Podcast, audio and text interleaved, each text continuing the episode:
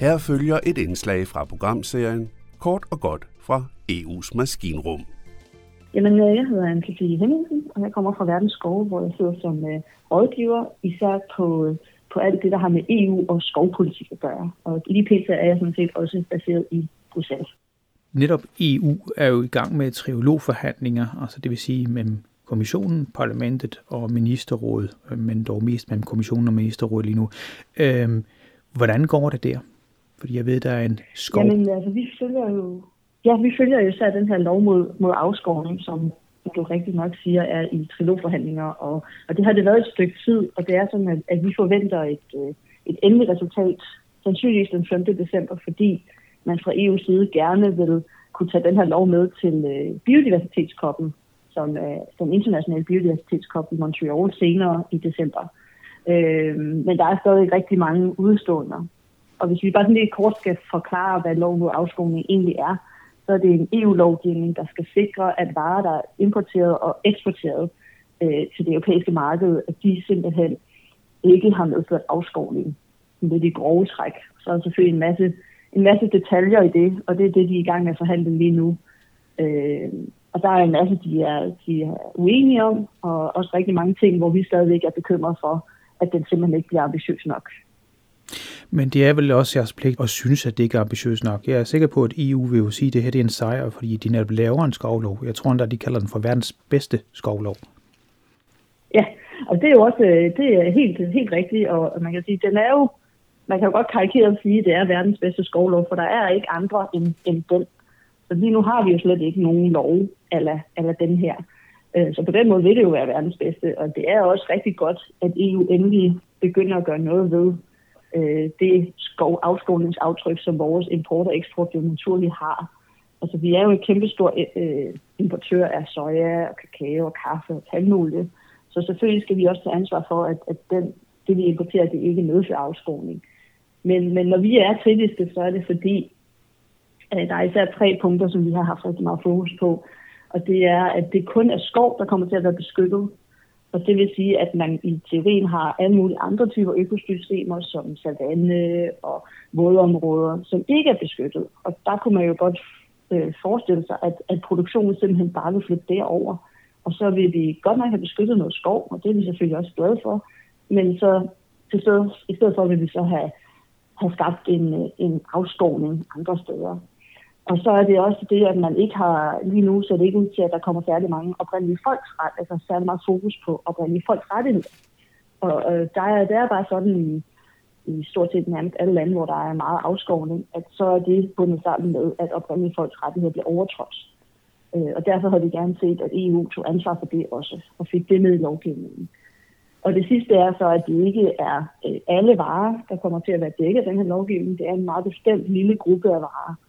Og det, var, det er også de varer, der har det største afskåringsaftryk. Men det vil være relativt nemt for en brasiliansk sojaproducent at lægge sin produktion om til for eksempel majs, og dermed undgå at skulle være dækket af lovgivningen.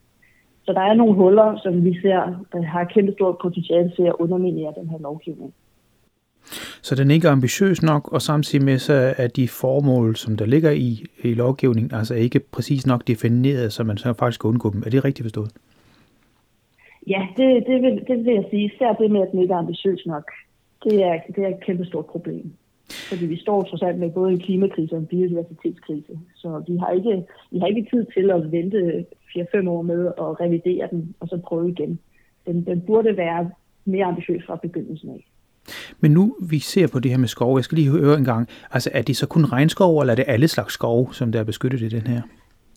Jamen, det er sådan, at det er alle slags skove, også europæiske skove, og det er simpelthen øh, for, fordi man ikke vil komme i krambolage med verdenshandelsorganisationens regler. Og derfor har man ligesom været nødt til at sige, at det er både europæiske skove og globale skove. Og det er vi selvfølgelig glade for, fordi det betyder, at vi også lægger nogle krav til, hvordan vi producerer her i EU. Men det er også det, der har gjort, at loven sandsynligvis er blevet mere uddannet, fordi vi har store skovnationer som Finland og Sverige, der bare ikke er særlig øh, progressive, når det kommer til at, at, styrke deres skove. Altså, de har kæmpe store afskovningsaftryk, og i begge lande har vi set, at skovene faktisk er ved at blive til det, der hedder netto udleder af CO2, i stedet for at være netto optager af CO2. Og det er simpelthen på grund af den måde, man fører skovdrift på i de lande. Og det er de ikke interesseret i, at EU går ind og ændrer, desværre. Anne Sofie Henningsen fra Verdensskov, øh, nu nævner du selv øh, både Sverige og Finland, øhm, og den her afskovning, som sker for at skabe flis blandt andet, men det er vel også en del af de her ja. triologforhandlinger lige nu med, med energimixet, som man kalder det. Ja og ja og nej, det, det er, øhm, man kan sige, det flis, der bliver brugt til energi, det ligger jo i øh, EU's vedvarende energidirektiv, som også er i forhandlingerne lige nu. Men, men det er jo en anden lovgivning end loven mod afskovning. Og det gør også, at der ikke er nødvendigvis, der er nogle huller mellem hvilke af de to love, der ligesom dækker. Og, og det, man skal være opmærksom på, og som der ofte er lidt misforståelse omkring i forhold til EU's vedvarende energidirektiv, det som man ofte vil høre omtalt som RED, det er, at det ikke handler om udbud og efterspørgsel. Det handler udelukkende om, hvilke typer energityper, som medlemslandene må støtte, og dermed lave incitamenter for at øge. Og der har man jo valgt at sige, at biomasse, blandt andet træflis og træpiller, at det er en vedvarende energitype, som man gerne må støtte. Og det er et kæmpe stort problem, fordi det betyder, at, at vi, der er, vi ser en kæmpe tendens til, at langt mere træ direkte fra skovene bliver brændt af. Men det her det energidirektiv, RED, det skulle jo gerne være CO2-besparende, og fordi man brænder træ af, hvis nu man planter noget nyt, er det så ikke godt nok?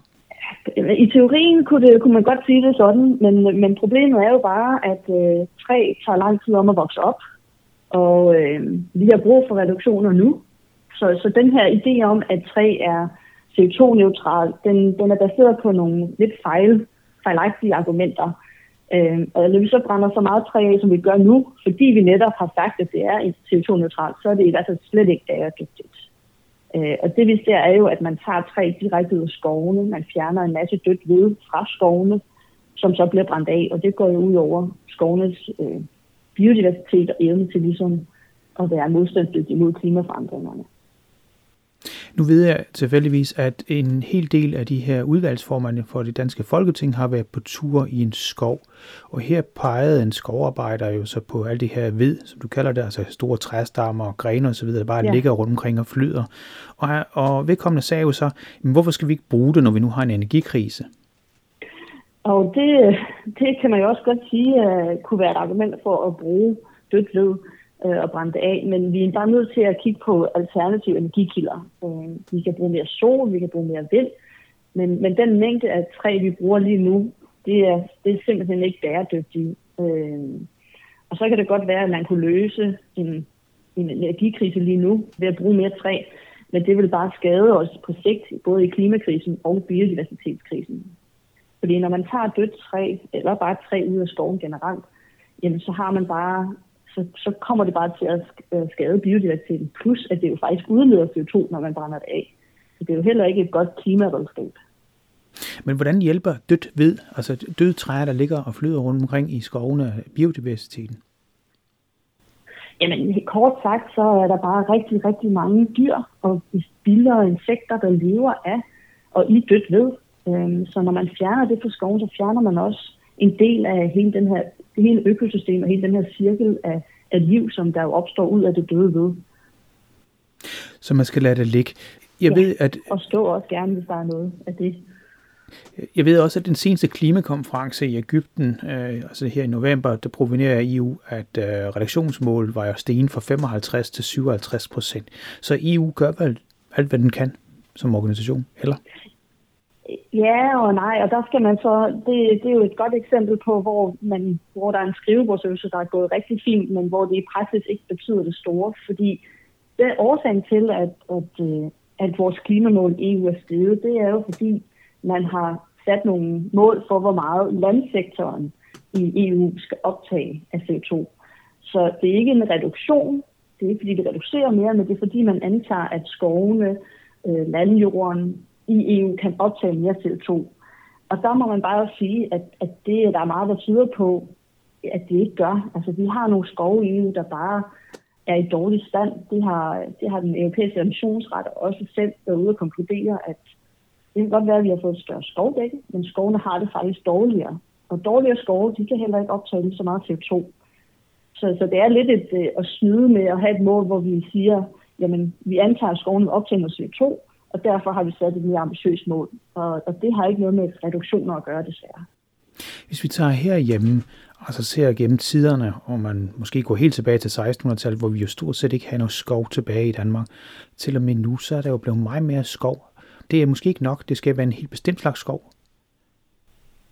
Så det er selvfølgelig godt, at vi har fået mere skov øh, i Danmark, og nu skal det jo lige sige, at jeg primært har med, med EU-politik at gøre, så mine kolleger kunne nok sige mere om dansk skov. Men, men det er selvfølgelig godt, at vi har fået mere skov, øh, og det er også det, vi ser i EU. Men problemet er jo bare, at hvis de skove ikke er, er biodiverse, eller hvis det udelukkende produktionsskov, så er det ikke noget, der nødvendigvis gavner os hverken i forhold til klimakrisen eller biodiversitetskrisen. Så, det, så selvfølgelig skal vi stadigvæk kunne producere øh, træprodukter og have produktionsskov.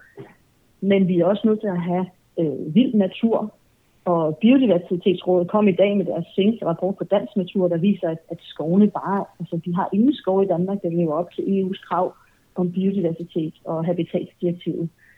Så der er rigtig lang vej endnu. Øh, og vi skal have begge typer skov, og vi skal helt klart have mere vild natur. Både i Danmark, men også på EU-niveau.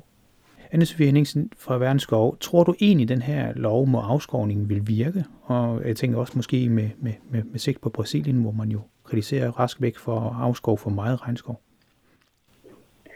Altså, det er jo et rigtig godt spørgsmål, og vi håber selvfølgelig, at, at, at den vil have den effekt, man, at, at der vil komme mindre afskovning. Men jeg vil også sige, at det er svært at se, at EU kan stille krav til for eksempel Brasilien eller Indonesien, for at bede dem om at stoppe en afskovning, når vi ikke engang kan, kan beskytte vores egen skove i EU. Og, og det, er bare ikke, det er bare ikke noget, vi gør lige nu. Så uden at vi også gør det, så, så kan meget svært at se, at, at, at den skulle kunne skabe incitamenter nok for andre lande også. Så der skal meget mere til, før at du bliver tilfreds? Der, vi skal i hvert fald også feje for en egen dør og sørge for, at vores egen skov har det godt. Og så skal vi øh, selvfølgelig arbejde sammen med produktionslandene om at få dem til at stoppe afskovning også. Hvis den her lovgivning går igennem EU, som du jo forventer, er løbet så kørt? Nej, altså jeg vil stadig sige, at det er et, et kæmpe skridt fremad, at vi får sådan en her lov. Og at det bliver rigtig spændende at se, hvordan den bliver implementeret. Og det vil vi selvfølgelig både arbejde med, med virksomheder og med Danmark om at gøre på en ordentlig måde. Øh, men, men man må sige, at det ikke, det, vi kunne sagtens have taget et større skridt fremad, end vi gør. Sådan sagde altså anne Sofie Henningsen fra organisationen Verdens Skov. Vi kan på falderæbet tilføje, at EU's egen undersøgelse fra 2021 viser, at 54% af de skove, der findes i EU, er i ret dårlig stand, mens 31% ligefrem er i rigtig dårlig stand. EU's forbrug af såkaldt biomasse, altså afbrænding af f.eks. træ, er steget med 239 procent de seneste 30 år. Det er svært ikke tal fra i år endnu, men energikrisen har næppe gjort afbrænding af træ mindre. Og så kan vi også lige fortælle, at EU-kommissionen netop har udtalt en såkaldt alvorlig kritik af Danmark, fordi vi ikke har vild natur nok, der kan få lov til at stå urørt hen. En dansk biodiversitetsrapport fra Aarhus Universitet fra i år fortæller det samme, og den viser, at den danske natur er i stor krise. Vi linker naturligvis til rapporten fra vores hjemmeside. Det var kort og godt fra EU's maskinrum. Journalisten, han hedder Jan Simmen. Det er Radio MB, der har produceret indslaget, der er støttet af Europanævnet. Du kan finde flere historier på radiomb.dk-eu